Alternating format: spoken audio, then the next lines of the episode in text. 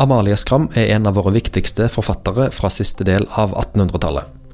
I sin biografi 'Blodet i årene' ser Merete Morken Andersen livet hennes fra alle sider, i ei bok som like mye er et portrett av en epoke. Forfatteren var gjest på Stavanger sakprosafestival på Sølvberget i 2018. Jeg tenkte jeg skulle bare gjøre oppmerksom på at blikket som er i bakgrunnen her, det er Amalie Skrams blikk. Og det er et veldig intenst blikk, som dere sikkert ser. Eh, det er ikke et fotografi. Jeg har bedt en kunstner om å tegne henne, for det er noe man trenger kunst til for å avbilde. Og det er noe jeg også skal snakke litt om i forbindelse med hvordan jeg skulle få til å skrive en bok om Amalie Skram. For det er et veldig mørkt blikk. Det er et intenst blikk, på mange måter et krevende blikk. Så hvis dere faller litt ut i forhold til det jeg sier, så kan dere jo se om dere klarer å møte hennes blikk. For det var det som var min oppgave. Å møte det blikket og se rett på og prøve å forstå det. Hvor, hvor kommer dette mørket fra, og hva er det mørket som hun ser? Det er veldig mange nyanser i det mørket. Det er et veldig levende spill av alle slags mulige ting som foregår i det mørket, og det syns jeg at den kunstneren hun heter Barbora Kysilko, hun er tsjekkisk, eh, har tegnet. Så se om dere klarer Hvor lenge klarer man å holde et menneskes blikk? Det gjelder jo selvfølgelig ikke bare Amalie Skram, det gjelder også blikkene til hverandre, vi som sitter her. Amalie på Husken i tivoli. Se, her er hun. Husken fyker fremover, tilbake, fremover, tilbake. Hun svinger som en pendel i et gammelt veggur. Det er sensommerkveld. Tivolis navn er skrevet med lysende gassbokstaver over inngangen. Og nå er forestillingen på teatret der borte på Kongens Nytorv slutt. Da teppet hadde senket seg og applausen løst seg opp som damp, forsvant skuespillerne og dansepikene ut til sidene tilbake til garderobene. Og publikum fløt ut av teatersalen gjennom dørene, ned trappene, over den vidåpne plassen.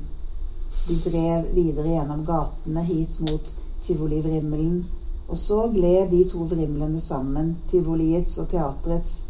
Det var ikke lenger mulig å vite sikkert hvem som var hvem av Københavns kremmere, tollere, prester, diktere, deres fruer og døtre, her i halvmørket mellom trærne glir de sammen med tjenestejentene og soldatene, sjømennene, malersvennene, latrinetømmerne, sypikene, horene. Nå spaserer alle rundt her på grusgangene. De flørter og bruser seg, løfter på hattene. Kvinnene sperrer øynene opp, berører håret i nakken med hånden, puffer på det mykt, nikker tilbake, senker blikket og ler idet de trer inn under buene på Tivolibasaren. Den er formet som en minaret med kupler, spir. I gresset lyser lampene matt. I trærne henger ballonger. De er vaiende, fargede kjempefrukter. Rundt Amalie står vennene og stirrer. Hodene snur i takt med huskens bevegelser. Frem, tilbake, frem. Hun er gift med Erik nå. Hun forlot de to halvvoksne sønnene sine der oppe i Kristiania for å komme hit til han i København den gangen for fem år siden. Det var ikke noe enkelt valg. Hun hadde nettopp kommet seg på bena igjen etter sammenbruddet, asylet, skilsmissen fra guttenes far, skipskaptein Müller. Det hadde vært en mørk tid. Hun hadde sunket. Blitt liggende på bunnen lenge, men langsomt steg Amalie Müller tilbake til overflaten og da hun brøt vannskorpen, var det som en åpenbaring. Hun hadde aldri trodd hun skulle bli lykkelig igjen den gangen hun kom ut fra Gaustad asyl og forsøkte å få øye på verden, men det ble hun. Hun begynte å lyse. Da hun hadde lyst en stund, traff hun Erik. Når hun spaserer ved hans arm gjennom Københavns gater på vei hit til tivoli, er man nødt til å legge merke til henne. Hun er et hurtigseilende skip mellom små, kokette lystbåter Brystet hennes er høyt, kjolen gul, bevegelsene store. Det fins de som mener at de kan se at hun er bergenser. Bergenseren er en egen rase, sies det. Bjørnstjerne Bjørnsons kone Karoline er en annen av dem. Henrik Ibsens kone Susanna en tredje. Han kjenner dem igjen på det stridige håret, øynene, viljen. Som om hele Europas livskraft har samlet seg i dem. Som om alt det bergenske har samlet seg i Amalie. Det tenner seg en sigar og slår opp en skrallende latter. Erik er så stolt. Sånn begynner den boka. Og den heter 'Blodet i årene', og den har en undertittel, og der står det 'Amalie Skram og hennes tid'. Altså, jeg skriver ikke bare om Amalie Skram, jeg prøver å skrive fram hele den tiden. Og det var en veldig rik tid. Jeg har jo da forsøkt å invitere dere nå i første omgang, eller i andre omgang, men i første omgang, de som skulle lese boka, inn i det mørket som fins i hennes forfatterskap. Jeg snakker jo med mange som er veldig opptatt av Amalie Skram. Det er en slags egen forening av folk. Og det vi vel er enige om, at det er mørkt. Det er én setning som veldig mange siterer til meg, og det er Og fra den dagen drakk både mannen og, kvinnen, mannen og konen på Hellemyren. Sånn slutter det første bindet i Hellemyrsfolket, som heter Sjur Gabriel. Det er jo mistrøstig. Men jeg tenkte jeg skulle vise dere hvordan hun så ut. Jeg skal vise dere en del bilder. Hun var kjent for å være helt uvanlig vakker. Jeg tror egentlig ikke man uh, ser av bildene, kanskje på det første her, hvor vakker hun egentlig var. Det må nok først og fremst ha vært øynene som har vært spill levende og helt svarte. Eller i hvert fall veldig mørke. Det var mange som tok henne for å være spansk eller tyrkisk. Eh, her er hun som konfirmant. Og så har jeg lagt det kronologisk, så kan dere se hvordan et menneske utvikler seg. Og så kan dere tenke litt Er dette den samme personen? Når man skal beskrive et liv, er det da det samme mennesket? Eller er det forskjellige mennesker? Og hvis det er det samme mennesket, hva er det da som binder det sammen? Er det det blikket? Det er et av de få amatørbildene. De andre er jo veldig oppstilte eh, sånne fotografbilder fra et studio. Men dette er et bilde jeg skriver om i boka. Jeg syns det er et så talende bilde. Det er den datteren som hun fikk med Erik Skram, som jeg leste om. Altså hennes andre ektemann. Hun het eh, Johanne, og det er noe med blikket her den eh, vet ikke hvor dere ser det, men den hengivende, åpne, glade, trygge ungen som lengter til det som er utenfor bildet. Jeg tror jo det må være Erik. Det vet jeg ikke. Og så er det noe med hennes blikk som er også fylt Det er også et sårt blikk. Og på mange måter ganske usikkert. Så hun hadde denne dobbeltheten av usikkerhet og enorm kraft. Da jeg var i Bergen og skulle presentere denne boka på Litteraturhuset, eh, idet jeg skulle starte, så gikk lyset. Strømmen gikk over hele Litteraturhuset. Tenkte jeg, Det var Amalie Skram. Hun, det har alltid vært litt for mye. Hun melder har kobla seg på strømnettet nå, og da kortslutter det. Og nå i stad, akkurat idet vi skulle inn og teste lyd og lys her, så gikk jo brannalarmen over, over, hele Sølvberget. Så tenker jeg ok, Amalie, vi tar signalet, men likevel, det er hyggelig, om, det er hyggelig at du er her. Men, eh, men eh, kanskje litt mye. Det var alltid litt for mye. Hun uh, trådte inn på en måte som nesten alltid var upassende. Og jeg tror det er nettopp i den upassenheten, eller hvordan man skal si det, at noe av kjernen hennes ligger. For upassende i forhold til hva? Upassende i forhold til de uskrevne reglene for hvordan en kvinne skal oppføre seg. F.eks. så står det et eller annet sted at hun lærte aldri å gå over bonede gulv. Så jeg ser liksom for meg hun kommer skjenende med sigaren der, hun røkte sigarer, og et eh, glass med noe oppi der, skjenende over parketten. Det er upassende. Men hvordan skulle hun ha lært å gå over bonede gulv? Hun vokste ikke opp bonede gulv. Og hvem er det som har bestemt at det er en bestemt måte man skal gå over bonede gulv? Dette er Johanne når hun er blitt, litt eldre. Og nå begynner hun å bli eldre selv. Hun ble født i 1846 og døde i 1905. Så man kan tenke seg det er den andre delen av 1800-tallet som hun lever i. Dette er det siste bildet vi kjenner, i hvert fall det siste jeg har kommet over. Det er også et amatørfoto. Så er dette den samme kvinnen.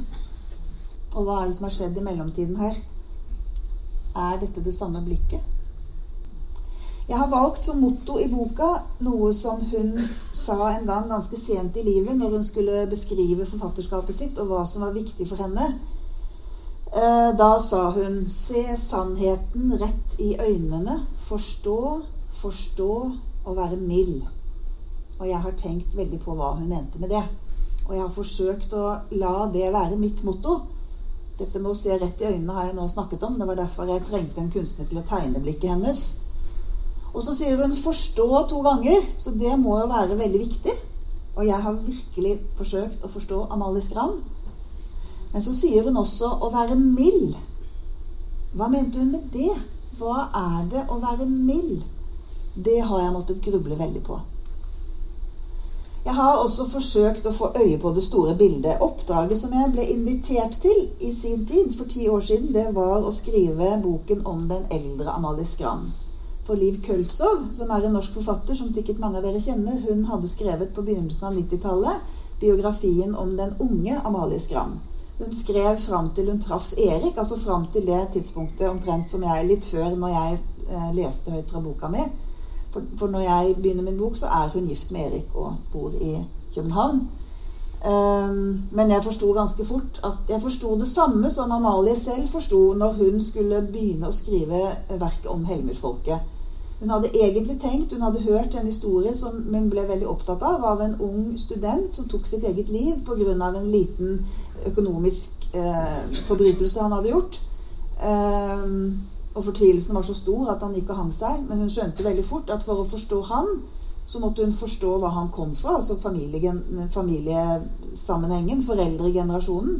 For å forstå den så måtte hun faktisk gå fire generasjoner tilbake. Og Det er derfor hun begynner med Sjur Gabriel og hans kone Oline, som er et fattig ektepar, fiskerektepar eh, på vestkysten av landet vårt, eh, rundt Bergen. Og jeg skjønte at for å forstå Amalie Skram, så kan jeg ikke bare skrive om den siste delen av livet. Jeg må selvfølgelig ta hele. For å forstå den eldre, så må jeg jo forstå den yngre. Jeg må forstå familien hennes, hva hun kom fra. Jeg må forstå stedet hun kom fra. Bergen var jo veldig viktig. Hva skjer når du tar en bergenser og setter henne ned i København og sender henne utover bonede gulv? Og jeg måtte forstå mange slektsledd tilbake, og egentlig så må jeg vel forstå hele tiden. Fordi hun var veldig sentral i en veldig viktig tid. Og nesten alle de store kunstnerne og forfatterne som vi fortsatt har med oss, og alle er enige om er det største, de fire store, Ibsen, Kielland, Bjørnson og Lie, eh, Edvard Munch, eh, Christian Krogh, Fritz Taulov Hun hadde veldig mange billedkunstvenner også. I, I, København så var hun midt i sentrum med Georg og Edvard Brandes. Og, så hun plasserte seg så enormt sentralt i en tid hvor det var blant forbløffende få mennesker så skjedde det en forbløffende stor forandring på veldig kort tid. Og selve den forandringen har jeg vært veldig opptatt av. Så jeg har forsøkt å skrive en bok som kan være nyttig for oss som lever nå også.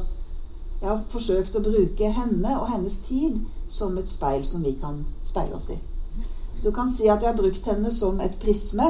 Da kommer lyset inn her, og så blir det et spekter av hele regnbuen. Alle fargene spiller seg ut her, og da kan man på en måte forestille seg at det er Amalie, som er prisme.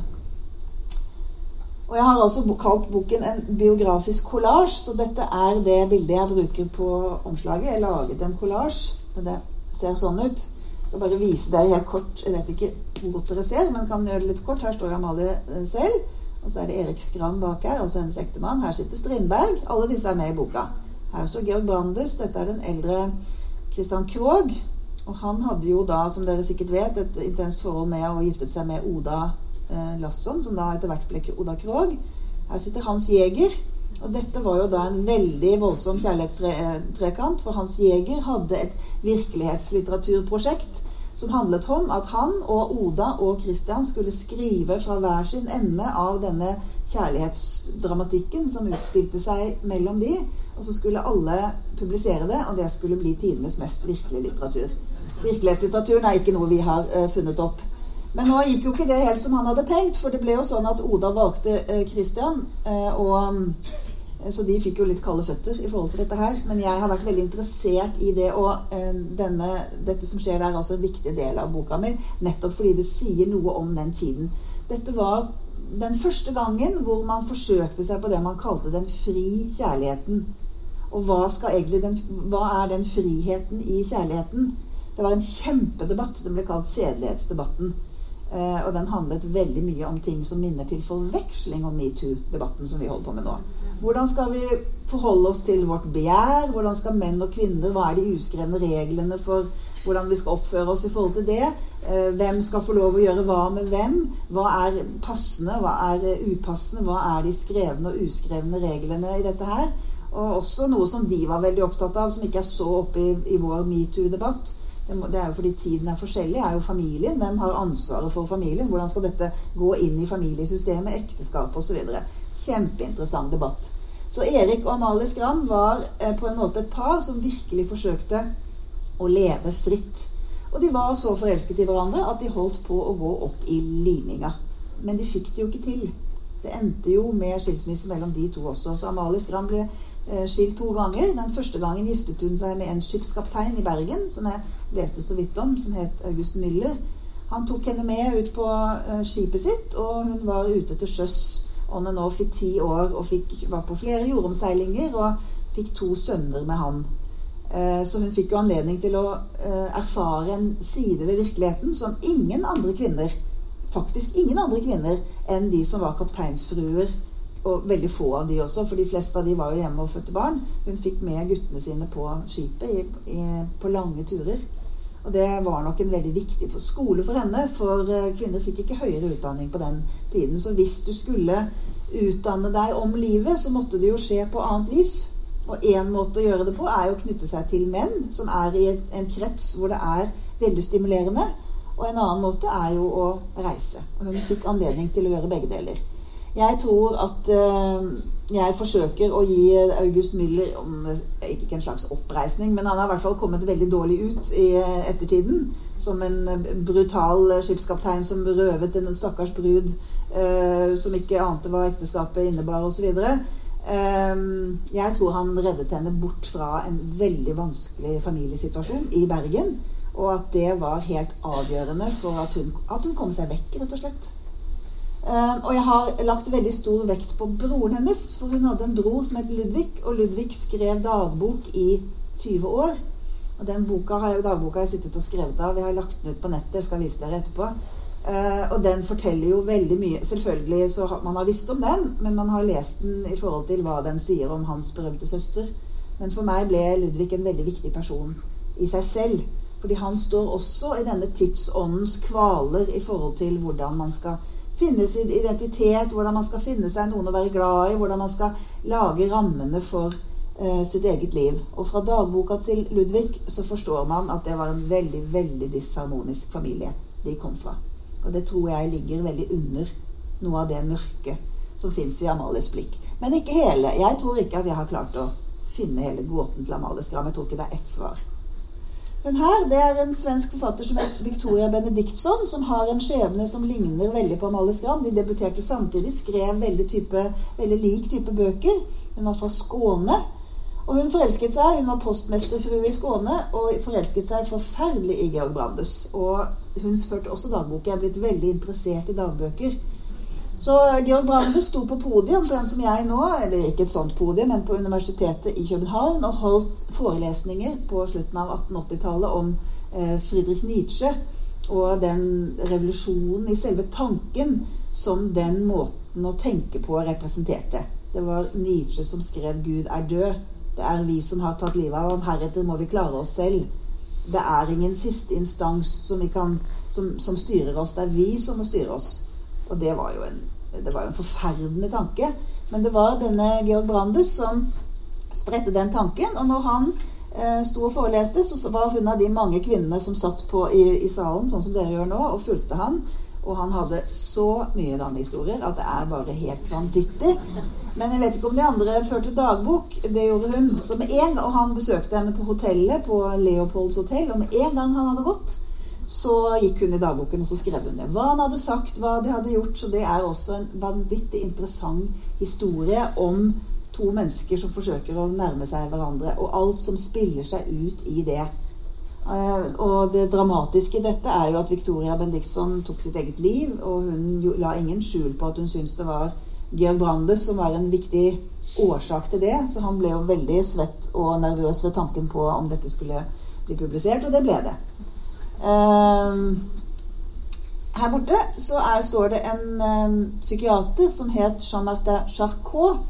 Og så er det en dame som faller bakover, vet ikke om du ser det, inn i, i, armene på en sykepleier som står der, og en lege som står der. Og det er et veldig kjent maleri, for på denne tiden så foregikk det veldig mye som hadde å gjøre med hysteriet. Dette er hysteriets store epoke.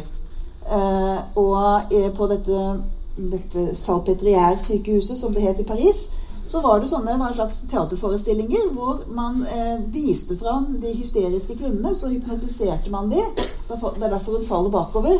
Og så eh, kunne man få disse kvinnene til å gjøre Ikke bare kvinner, også menn, men i hovedsak kvinner.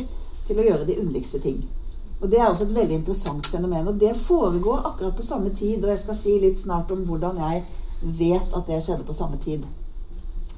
Jeg måtte lage meg en metafor. Hvordan skal jeg samle alt dette her? Dere skjønner jo at det ble overveldende stort. Hvordan skal ett menneske kunne klare å finne ut av alt dette her? Jeg laget meg en metafor, og det var biljardbordet. Og så begynte jeg å lage sånne små titteskap. Dette er miniatyr, eh, miniatyrmøbler.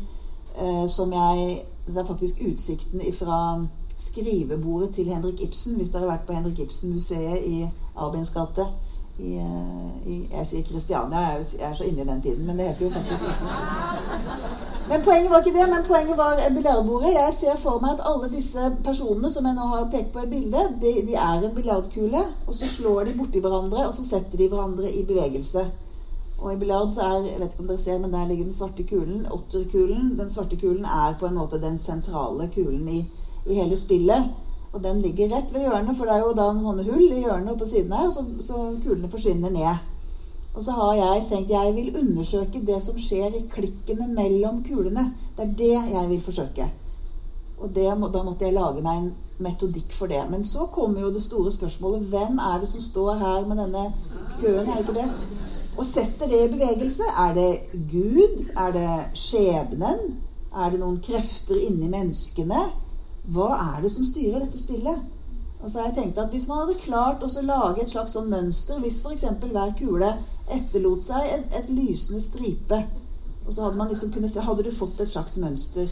Og Det mønsteret har jeg forsøkt å legge til rette for at man kan undersøke. skal jeg vise dere snart. Hvis man skal prøve å se det spennet som hun øh, levde i, i altså den andre delen av 1800-tallet, så kan man se på forskjellen øh, mellom dette bruddferden i Hardanger, som dere sikkert ser, og Munchs Krik. Brudeferden i Hardanger det ble malt eh, rundt 1850. Det er malt i flere versjoner. Dette her er den fra 52, tror jeg. Mens dette her ble også malt i flere versjoner fra 1893. Dette er den versjonen som ble stjålet den gangen fra Nasjonalgalleriet fra 1910.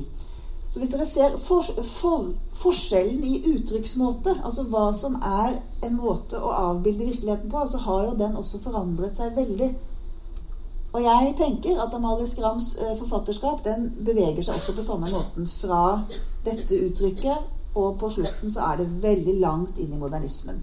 Så jeg leser henne veldig nært opp til billedkunst. Eh, jeg har ikke tid til å komme helt inn på det i detaljer, men eh, jeg syns den ekspresjonismen som fins i Munchs bilder, den ligger veldig tett opp til det Amalie Skram gjør. Og så er det da noen ting som kan telles og ordnes og måles, og det er jo veldig store spekulasjoner, store tanker jeg snakker om her. Så hvordan skal vi komme oss ned i empirien? Jeg er jo også akademiker, så jeg må også passe på at jeg gjør det på skikkelig metodisk vis. Og da er det veldig fint å kunne telle og måle ting. Og måten jeg har gjort det på, er at jeg har laget et um, nettsted. Nå skal jeg se om jeg klarer å vise dere det. Det var det jeg sa i stad at jeg skulle prøve. Kan vi se. Jeg tok det fram her i stad. Jeg bare gå inn på for det, hvis dere går inn på Skriver tidsånd.no Man skriver det både med to a-er eller å. Nå kan man bruke æ, og i sånne nettadresser også. Så kommer dere inn hit. Og de bildene her, det er Det var en kar som het eh, Carl Størmer, som var ung eh, student i Kristiania på 1890-tallet. Han hadde fått seg sånn spionkamera under frakken. Og så gikk han rundt på, på Karl Johan og tok sånne hemmelige spionbilder og jeg er blitt veldig opptatt av det med tidsånd. Jeg synes når man ser jeg vet ikke, Dere ser det kanskje ikke, dere som sitter her. Uh, men det er den altså følelsen av en tid. Følelsen av at de var der. De visste ikke at de ble fotografert, men det var sånn. Og det er veldig gjenkjennelig hvis man kjenner Kristian, nei, men Oslo, hvis man kjenner Oslo, så ser man hvor det er. Uh, og det er det jeg har forsøkt å skape. Og så har jeg forsøkt å lage en tidslinje uh, som dere kan bruke akkurat som dere vil, hvis dere vil. Og en tidslinje, det er jo kronologi. Det er jo alt, alt kommer i riktig rekkefølge. Årsaken til at jeg kunne gjøre det, det var at jeg, jeg er ikke historiker, jeg er litteraturviter. Så jeg tror jeg overkompenserte litt. Eh, men jeg tenkte helt fra starten av så må jeg være veldig veldig skikkelig i forhold til kildene mine. Jeg leste metodebøkene til historikerne. Det er jo ikke noe bombe hvordan historikere tenker. Du skal være veldig, veldig ordentlig med kildene. Skal være, noen skal kunne gå deg etter i sømmene og sjekke alt og påpeke feil og komme med nye opplysninger. Um, og du skal være kildekritisk. Du skal forstå hva en kilde kan fortelle, og hva den ikke kan fortelle. Så jeg skaffet meg et veldig enkelt lite dataprogram, nesten litt som et Excel-ark på en måte. Og hver gang jeg kom til en kilde Du sitter jo i arkiver og driver med brev osv. Så, videre, så tastet jeg det inn. Hva er hendelsen? Eh, når skjer det? Hvor skjer det? Hva slags type hendelse er det? Og kilden. Og I løpet av de ti årene jeg holdt på med det, så er veldig mange av disse kildene blitt digitalisert. Så da er det jo en lenke som man kan klikke på, og så ser man det selv. Og så um, var jo Jeg visste jo ikke hvordan man skulle kunne organisere det. Jeg bare bestemte meg for å være veldig, veldig ordentlig i å gjøre det. Og når du gjør det i ti år, så får du jo veldig god oversikt. For da smetter jo alle hendelser smetter inn på riktig sted kronologisk. ikke sant? Så hvis man da begynner, Den, den inneholder rundt 7000 hendelser. Og hvis man da jeg kan begynne å klikke på den. Så ser man Du kan fylle inn forskjellige felt her. den er litt uvant for meg å betjene denne. Begynner i 1830, men den går egentlig tilbake til 1700-tallet. Så kommer altså masse ting som, har, som, skjer samtidig i 1830. Her kommer Camilla Wergeland gående nedover Kirkegaten. Det har snødd den dagen. Lars Hertevik blir født der. København foregår det. Wergelands 'Skapelsen, menneske og Messias' kommer ut. Det er mye Wergeland og sånn. Her er Kirkegård. Hva driver han med? Og så videre. Tenkte jeg skulle vise, siden vi nå er i, i um, Stavanger og Alexander Kielland er absolutt en viktig person i Amalie Skrams liv. De hadde en flørt gående en gang eh, som var ganske intens. Og hun trakk seg. Det var Bjørnson tror jeg var veldig sjalu. Så han satte ut rykter. Jeg tror det må ha vært Bjørnson, det har jeg ikke noe kilde på, men jeg syns det er ganske innlysende at Bjørnson satte ut eh, rykter om at eh, Beate, altså kona til Alexander Kielland, har blitt fryktelig sjalu.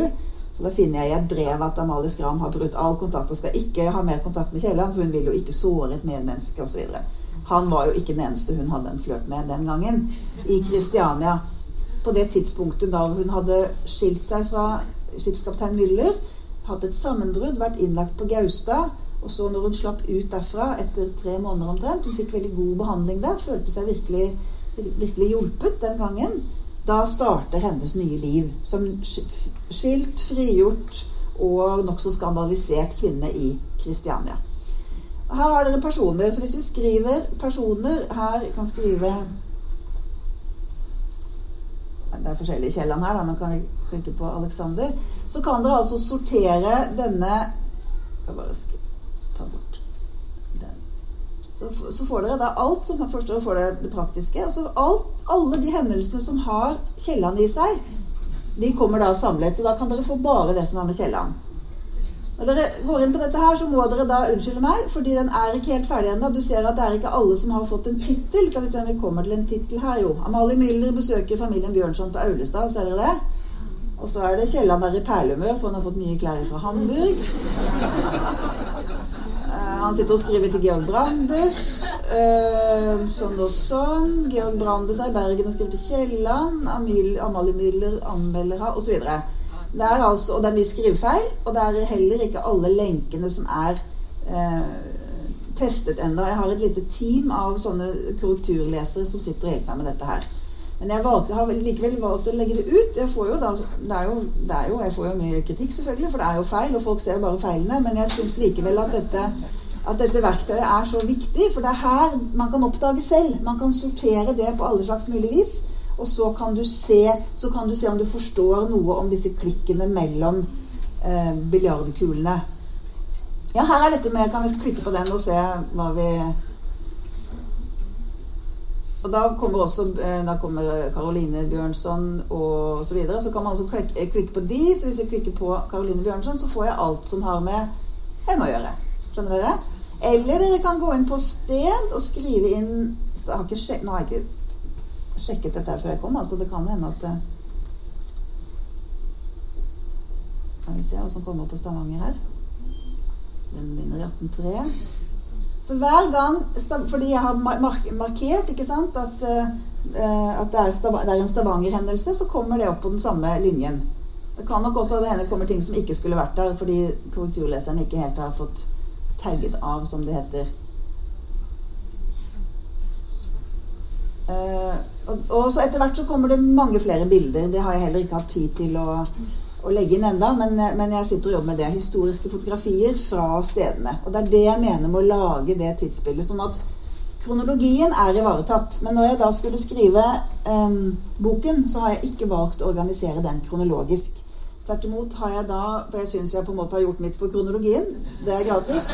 Ti års arbeid, vær så god. Mitt, min gave til folket. Men kan vi se, jeg skal bare gå tilbake til um, Gå tilbake til den. Uh, så uh, var jeg også i den fantastiske situasjonen at uh, det er veldig veldig mange brev som er blitt tatt vare på mellom disse kjente personlighetene. Nettopp fordi de var så kjente. Og det har jo vært forsket på disse forfatterne og eh, kunstnerne i eh, over 100 år. Eh, og det var utgitt bøker, så alle brevene f.eks. mellom Erik og Amalie Skram er kommet ut i bokform. Det er en eh, veldig dyktig eh, engelsk forsker som heter Janet Garten, som også snakker norsk og dansk, som har utgitt de. Så tenkte jeg ok, hun skriver jo Det er vanskelig å lese håndskriften, man venner seg til det, men det er jo en fantastisk ting. Hvordan kan jeg det skal man gjøre i forskning. Du skal jo stå på skuldrene til de som har gjort noe før, og så skal du legge til rette for at andre skal kunne stå på dine skuldre. Så det jeg gjorde, jeg fant meg et annet Jeg syns det er litt tøft med sånne datating. Fant meg et sånn uh, sorteringsprogram, analyseprogram, og så, sorter, så fikk jeg uh, tak i datafilene, altså Word-dokumentene, til disse brevbøkene. Altså de digitaliserte brevene, som jo noen har sittet og tastet. En kjempejobb. Så tastet jeg mye selv, av bl.a. Eh, dagboken til Ludvig Alver. Og så har jeg eh, tematisk sortert det. Så når dere er på den siden som jeg nå viste dere, nederst der, så står det en sånn hva, hva slags side er dette? Og, eh, og, da kan dere klikke dere inn på en side som jeg har laget for boka, og der ligger det altså eh, i en skuff, Du kan tenke deg som stor, et stort arkivskap. Hvis du trekker ut én skuff, så er det alt Amalie Skram skriver om kjærligheten. Og her er alt hun skriver om bergensere. Og her er alt hun skriver om jøder. Det er litt, veldig interessant. Skal ikke gå inn på det, men det tar seg ikke så godt ut. Man ser det i lys av tiden, selvfølgelig, men likevel. Tenker, Det er også interessant. Det er også en måte at man kan undersøke selv. Eh, den er ikke helt ferdig ennå. Jeg har litt mye annet å holde på med om dagen. Men jeg har veldig mye av det stoffet som etter hvert legger ut, ferdig eh, sortert. Og hvis jeg nå bare får organisert livet mitt så jeg får litt bedre tid, så skal jeg også legge inn mye mer. For jeg har også sortert det på person, så hver gang de skriver noe med, en person, så kan jeg legge det inn på den personen. Så hvis dere klikker på Kielland, så får dere alt som disse personene har skrevet om Kielland. Det er tøft. Ja, jeg kan gå litt eh, Men det man ser da når man sitter og jobber på den måten, så ser man jo hvor mye de skriver, eller hun skriver, om, um, om hva. Det er også litt interessant. Det er sånn telle og sortere. Det er litt empiri. Vi er jo veldig glad i ordet empiri i akademia. Så her er da det hun skriver mest om. Altså det, det, ti på topp, det, det, Nummer én der er det hun skriver aller mest om. Det er egen skriving. To, det er seg selv. Der er det noen underkategorier. Det er egen kjærlighetsevne, egen helse, egen stridbarhet, egen sinnstilstand og egne ekteskap. Og på eh, tredjeplass kommer Erik Skram, og der er det også to underkategorier. Det ene er sjalusi. Hun var vanvittig, jeg vil si sykelig sjalu. Og nå å forstå hva er sjalusi også, har jo vært en veldig viktig del av det. Og B, kjærligheten. Hun var også vanvittig glad i han. Eh, og det er noen kjærlighetserklæringer som er så vakre, så man må jo bare gråte en skvett når man leser det. På fjerdeplass er religion, døden og det overnaturlige. På femte er konflikter med tjenestejenter. Jeg har sjekket den, jeg har lagt ut den, så da kan dere se på selv. Jeg ser at I den skuffen så ligger det ikke bare konflikter, det ligger også andre ting som har med eh, tjenestejenter Tjenestejenter var jo selvfølgelig en veldig viktig del av livet. De bodde jo i samme leilighet. Eh, så det er jo ikke så rart. Men hun ble veldig veldig ofte uvenner med tjenestejentene sine. Og hvis hun var venner med dem, så knyttet hun seg enormt sterkt til dem. Seks livet generelt. Sju været. Åtte det danske og det norske. Ni politikk. Og så er det delt tiendeplass mellom kjærlighet og bergensere. Det er jo noe som kan fortelles, og det har jeg forsøkt å fortelle, men så er det jo også noe som kan, bare kan erfares. Jeg holdt på mye med språkfilosofi, og Wittgenstein, som var en språkfilosof, han avsluttet et stort verk han skrev, hvor han prøvde å forstå sammenhengen mellom språk og virkelighet. Sier han det som kan fortelles, kan fortelles klart. Og det man ikke kan snakke om, må man tie om. Og så tenker jeg men man kan vise det. Og det er det jeg har forsøkt å gjøre. Og jeg tror det var det Amalie Skram forsøkte å gjøre. Og så er det jo en masse ting vi erfarer, men ikke forstår. Og det er mange gåter i dette som jeg fortsatt ikke forstår. Og jeg har forsøkt å finne en form. Det ble nevnt i introduksjonen her at, at jeg, jeg har kalt det en kollasj. Så jeg har klippet sammen forskjellige typer tekster. Det er altså ikke en vugge til grav-biografi som man, eh, mange nok ønsker seg, og mange sikkert er skuffet over at det ikke er. Så det Den vanlige måten å skrive en biografi på er jo ble født sånn og sånn, sånn var foreldrene, gikk på skolen, bla, bla, bla. Sånn var stedet hun kom fra. Eh, utviklet seg sånn, ble konfirmert. Eh, traff kjærligheten litt opp og ned. Eh, så var det forfatterskapet, som er sånn og sånn. Analyse av bøkene. Gikk litt opp og ned, det også. Ble eldre. Her var miljøet hennes. Sånn ble kritikken. Ble gammel, døde. Det er Nå sier jeg det litt flåsete, men det er, det er på en måte den tradisjonelle måten å skrive en biografi på. Det er jo ikke noe feil i det. Det er veldig mye bra biografi som er skrevet om det. Men det har jeg altså ikke gjort. For det første fordi jeg har laget den tidslinjen. Og for det andre fordi jeg eh, også er skjønnlitterær forfatter. Og jeg vil også forsøke å lage en tekst som gir en opplevelse av dette. At vi kan vise det. Jeg trenger ikke bare å si det, jeg kan vise det. Og siden dette er på en måte i virkelighetslitteraturens mest intense tid Det er ikke vi som er i Knausgård, er ingenting i forhold til Hans Jæger. Jeg lover dere. Så har jeg også tenkt at eh, akkurat det som skjer i mellomlandskapet mellom fiksjon og virkelighet, er også veldig interessant, for alle skriver om hverandre. Og, og det får man bekreftet fordi de kjenner hverandre. F.eks. Amalie Skram er innlysende hovedpersonen i en det som kalles en nøkkelroman, som ble skrevet av en av hennes beundrere, som heter Jon Paulsen, en bergenser. Og hun selv var jo så fornærmet, for hun så det jo. Så hun gjorde jo alt hun kunne for å stoppe denne boken og motarbeide Jon Paulsen. Uh, og hun skrev jo om sine omgivelser. Fritz uh, Tauler ville jo ha duell, for han var så fornærmet over at han var, hadde dukket opp med sin skilsmisse i en av hennes, uh, i hennes noveller. Og når hun skrev sine to sinnssyke romaner, som sikkert mange av dere kjenner, 'Professor Pontoppidan' og Nei, jeg mener han het Pontoppidan i virkeligheten. 'Professor Hieronymus' og 'På Sankt Jørgen' Eh, så ble det jo Det ble lest om ren virkelighet. Og hvis du sammenligner de med journalene fra innleggelsen, så er det jo én til én. Og den dagboken til eh, Ludvig Alver, som jeg da har sittet og transkribert, eller tastet, den brukte hun når han døde, så brukte hun den som bakgrunn for en roman som heter 'Julehelg'. Og da har man jo faktisk et fantastisk materiale til å sammenligne hva har skjedd fra det som står i dagboka til det som har blitt romanen. Men i alle fall så kan jo en forfatter aldri fortelle alt. Du må jo gjøre et utvalg. Og det utvalget du gjør, må du jo sette sammen. Du må jo komponere det på et eller annet vis. Og jeg har altså gjort et utvalg som er veldig stort, som handler om veldig mange av disse personene. Og jeg har satt det sammen på en bestemt måte for å prøve å vise den tidsånden. Og jeg har også jobbet mye i det ordløse. Dette er et uh, portrett av Erik og Amalie Skram, og jeg syns det er veldig interessant. Det henger i Bergen offentlige bibliotek, i uh, kafeen der, hvis noen har vært der. Eh, som Den heter Amalie. Jeg, sittet, jeg, skriver et brev til Amalie på slutten av boka. Da sitter jeg under det portrettet. Så jeg har et bilde av bordet med kaffekoppen min når jeg sitter og skriver det. Det var i sommer. Under hetebølgen i sommer. Jeg syns det er så interessant hvis dere ser på den avstanden som fins mellom disse to. Det sier så mye. Hva er Det er jo i det ordløse. Hva er det som skjer her? Da har de jo Da står det ikke bra til i det ekteskapet. De hadde noen fine stunder etter det også, men eh, det var et lavpunkt. Et av de mange lavpunktene. Det var mange høydepunkt også. Og det jeg gjorde, det var at jeg har jobbet mye med teater og teaterfolk og eh, sånne ting. Og jeg er også utdannet psykodramatiker. Så det jeg gjorde, jeg laget to dokker i full menneskestørrelse. Vil si det er størrelse ni år, for jeg måtte ha en dress til Erik. Og det, måtte, ser dere ikke, for det er så mørkt. Men det er også min sønn. Den dressen han hadde når han var ni år, det var den jeg hadde. Så da måtte jeg lage størrelse ni år. Eh, og det er jo, som dere skjønner, ikke realisme som er eh, poenget her.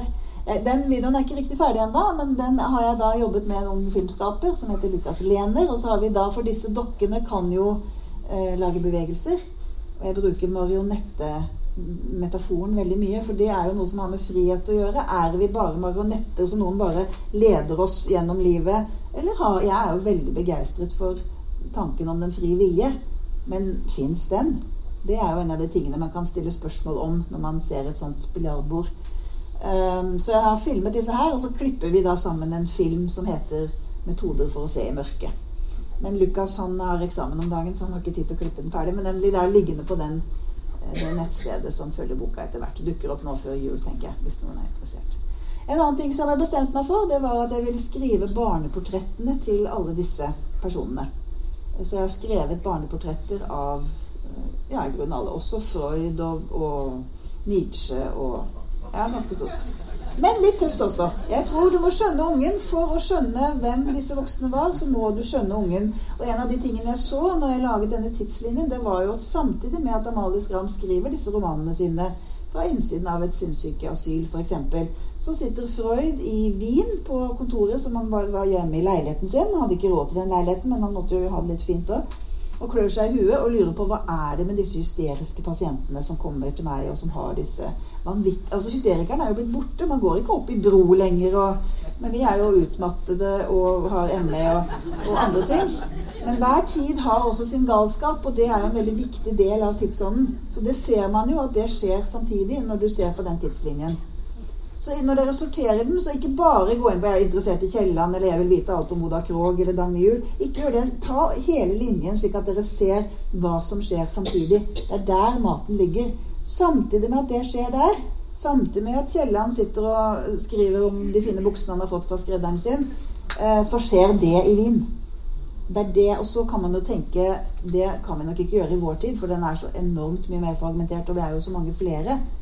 Men det er det jeg kunne ønske meg var Jeg, har, en bor på Nesodden utenfor Oslo. Og når jeg går av Nesoddbåten Det gjorde jeg i mange mange år før jeg jobbet i forlag.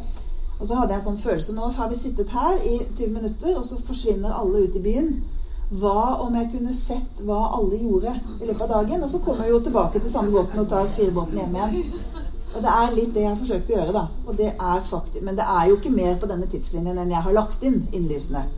Men det fine er at hvis dere finner feil, det kommer dere til å finne. Dere kommer også sikkert til å finne noen dubletter, for det kommer sånne små bugs, og da kan den samme hendelsen komme to ganger etter hverandre. Da må vi ta bort den ene. Det tar jo litt tid, men vi har altså folk til dette. Men eh, man kan legge til ny informasjon. Og det kommer jeg nok til å fortsette med. Eh, når du noe Når du begynner å se mønster, så kan du lete etter mer kilder, og så kan du putte inn mer, og da vil jo mønstrene bli tydeligere. Det kan dere bruke hvis dere vil. Jeg har i hvert fall gjort researcharbeid for veldig mange biografier. hvis dere vil interessere det. Så her er noe av det jeg har gjort i den filmen. Da, at jeg har prøvd å finne Jeg tror jeg ser to rasende, ulykkelige, forvirrede barn bak de voksne. Og det er de barna jeg prøver å forstå. Det var jo det Sigmund Freud kom til. Det var jo der den tanken startet om at det som skjer i barndommen, er av veldig stor betydning. Det skjer også superinteressante glidninger i, i, det. Så dere kan jo sortere på Freud, men det har ikke tid til å gå inn på nå. For nå er han tolv på ett. Jeg fant en metafor som jeg har brukt, og den er i det ordløse. Jeg jobbet også med skuespillere og dansere, og satte de inn i eh, iscenesatte Mali Skram, eller Amalie Alver, som hun het da hun var liten jente sammen med foreldrene sine. Hva er det som spiller seg ut der? I det første ekteskapet, i det andre, og også i forhold til Knut Pontoppidan, som da var denne eh, psykiateren som la henne inn på lukket avdeling i København i 1894, som da endte i to romaner. Hans karriere var jo over da. Det var, det var, jo nådeløst, det hun gjorde mot han. Men det var jo nådeløst, det han gjorde mot henne også. Men det jeg så når jeg jobbet med dette her Jeg skal ikke gå inn i detaljer på det metodiske der, men dere skjønner jo at jeg er da langt inn i kunstnerisk metode. Da er vi ikke lenger på telle og måle. Da er vi forbi empirien. Men jeg eh, så at det er et mønster som er helt likt i disse forskjellige relasjonene hennes. Og det er som følger. To personer blir veldig trukket mot hverandre. Jupp.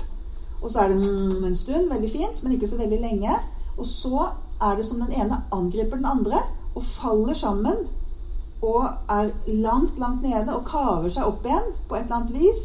Trekker, eh, trekkes mot igjen, og så begynner spillet. Det har jeg kalt falledansen. Hva er den? Men det er ikke bare i Amalie og Erik jeg ser det. Jeg ser det i ja, Hans Jæger, Oda, Christian. Jeg ser det i så mange. Hva er det for noe? Fortell meg det. Jeg vet ikke. Men det er, sånn, det er sånne på en måte gåter jeg prøver å legge fram. Og i det siste kapittelet i boka, som er den femte delen, så forsøker jeg å forklare litt sånn psykologisk hvordan jeg har forstått det. Men jeg innbiller meg ikke et øyeblikk at jeg har den eneste forklaringen på det. Ja, jeg har sagt litt om å fange tiden. Litt, uh, dette er en handelapp på baksiden. Jeg skal få se etterpå hva som er på baksiden.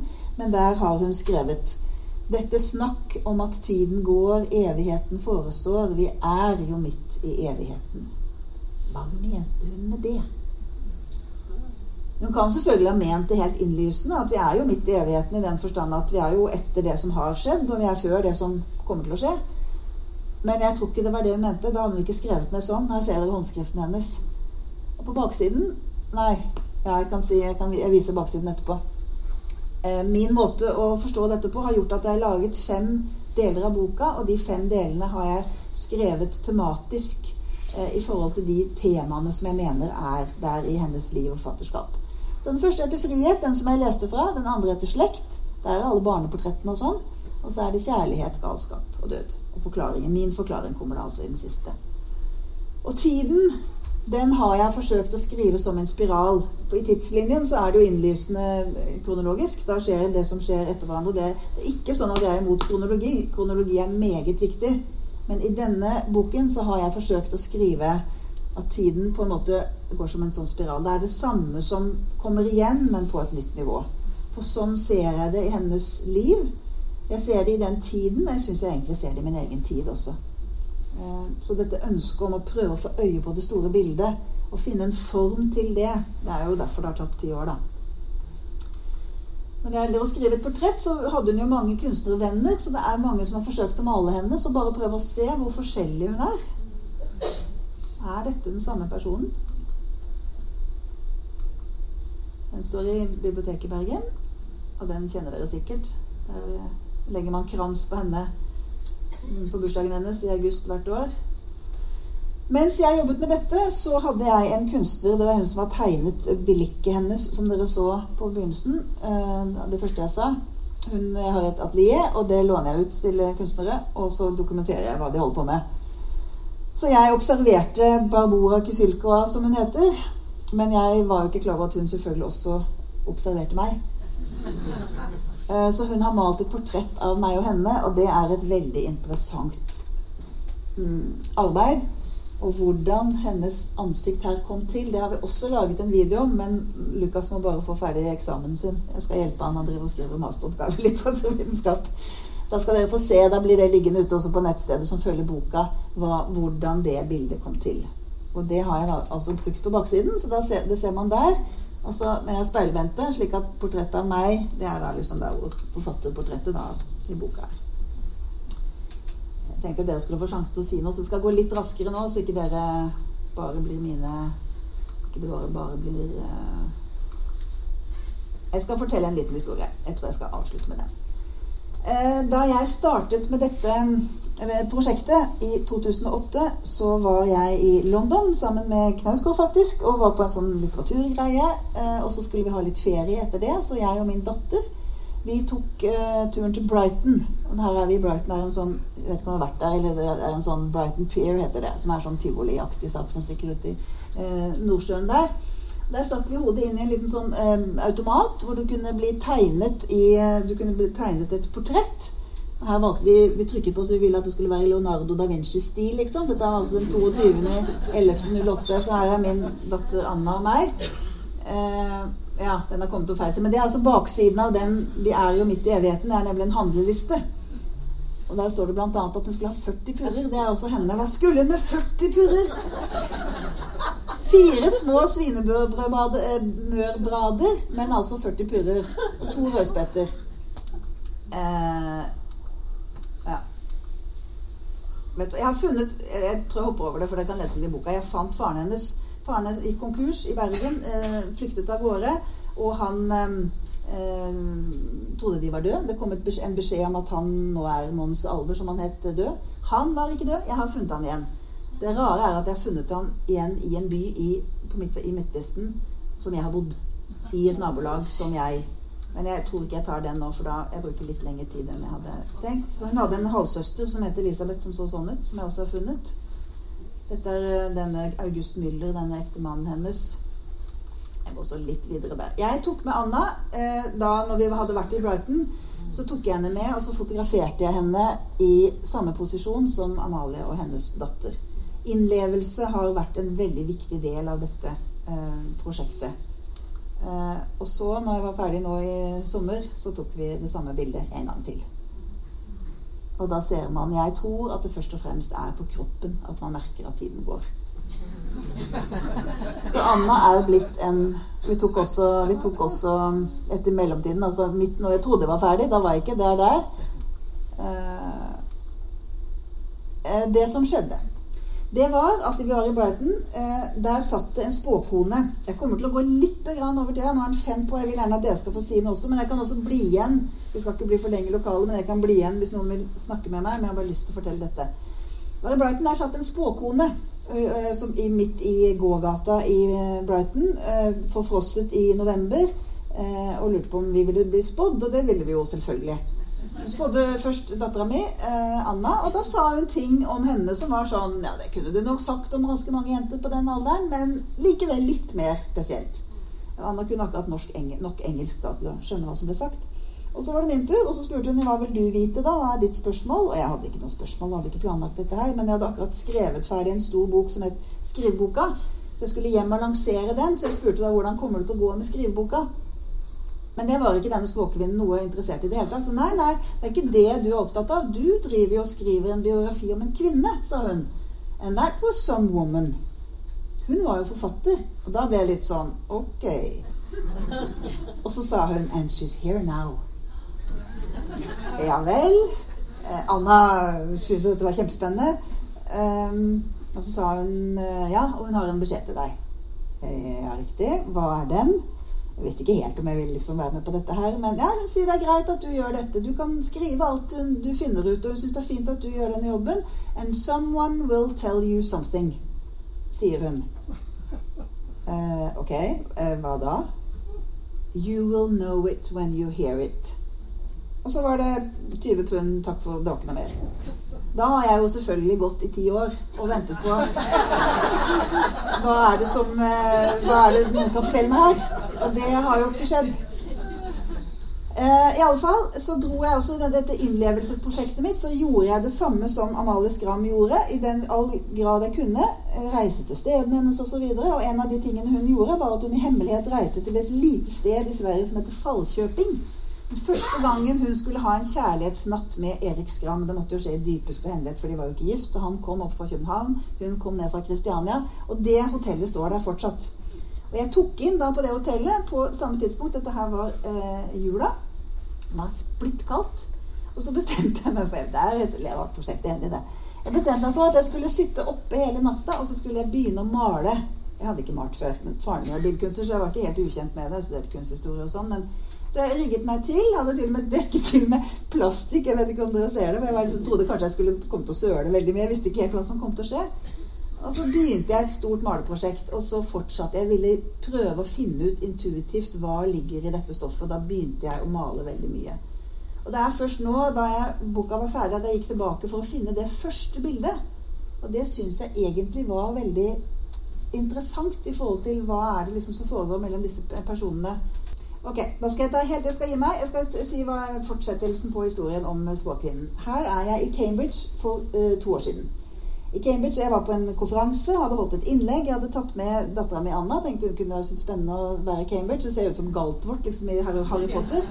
Og Der traff jeg en kvinne som var uh, fra Sør-Afrika. Og vi ble litt kjent. Og det, dette bildet er det hun som har tatt. Hun heter Pita. Og vi, gikk, vi skulle gå fra et college til et annet, for det var en forelesning som foregikk på et litt annet sted. Og så ble jeg gående og fortelle om dette Amalie Skram-prosjektet mitt, og Pita ble veldig interessert i det. Så vi glemte litt tida. Eh, vi gikk oss litt bort, så jeg måtte spørre, jeg måtte stoppe noen engelskmenn som hadde litt sans for humor, om meg igjen. Og så ble det en litt sånn morsom scene der. Og så neste dag, da skulle jeg reise litt før fra denne konferansen. Og da kom Pita bort til meg i um, frokostsalen. Det ser ut som sånn Galtvort-sal inni, inni der. Eh, og sa du, jeg har drømt et, et budskap til deg i natt, sa Pita.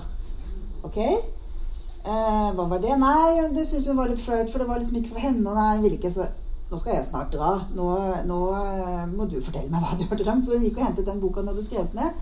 Og så var det sånn og hun Men skjønner, det er ikke jeg som sier det, det er liksom drømmen som sier det. Ok, Og så skrev hun. Kjære Merete. Da jeg så deg i går Så må du skjønne at det ikke er jeg som er jeg. Ja, ja. Da jeg så deg i går, og du hadde den lille scenen og spurte om veien og sånn, så så jeg Du er Amalie Skram, and the book is finished. Tenker jeg. Eh, nei. Jeg er ikke Amalie Skram, og boka er dessuten ikke ferdig. Men jeg dro til Brighton, tok med meg Anna. Dro tilbake til Brighton Per. Der er hun blitt eh, stor jente, som dere ser. Vi fant den samme automaten. Nå var det blitt van Gogh Workroom. Vi stakk hodet inn igjen en gang til, og der er spåkonen. Vi fant henne på nøyaktig samme sted. Jeg satte meg ned. Eh, Anna, det var salg, så Anna gikk på salg. Eh, eh, og fikk eh, tiltrede, og, sa, og jeg tok lydopptak av det. Jeg sa vet du hva, jeg var her eh, for mange år siden, og, og du sa noe som var veldig rart. Og du sa 'someone will tell you something', men det har jo ikke skjedd. Stilte hun seg helt avvisende til. kunne kunne ikke huske noe av. og det, det, kom det ikke noe ut av. Og så sa jeg det skjedde jo faktisk noe litt rart i dag. Akkurat det der budskapet fra den drømmen som fortalte om det. Og så sa hun 'yes, that should be it', sa hun. Virket ikke så veldig interessert. Så kom ikke så mye ut av det. I sommer så satt jeg Det var veldig varmt. Dette er i Pergoland ute i hagen i min hage på Nesodden. Der sitter hun kunstneren som da Nei, nå peker jeg på min skjerm. Der sitter hun som har malt bildet. Og hennes gamle bestemor, som heter Vera, hun er tsjekkisk, er sykepleier. Pensjonert nå. Bitte liten dame. Og jeg viste henne et av disse fotografiene av Amalie Skram. Og hun vet jo ikke noe om Amalie Skrams liv. Og så sa jeg, du som har vært sykepleier alle år, hva ser du når du ser denne kvinnen? Og så sa hun og jeg, jeg har sett syke mennesker øh, og vært sykepleier i så mange år, og når jeg ser blikket til denne kvinnen, så ser jeg en som har opplevd noe forferdelig. Hun vet ikke hva det er selv, men hun lar det sive inn i bøkene sine, og hun håper at noen skal oppdage det der. Og da fikk jeg den følelsen. Someone will tell you something, and you will know it when you hear it.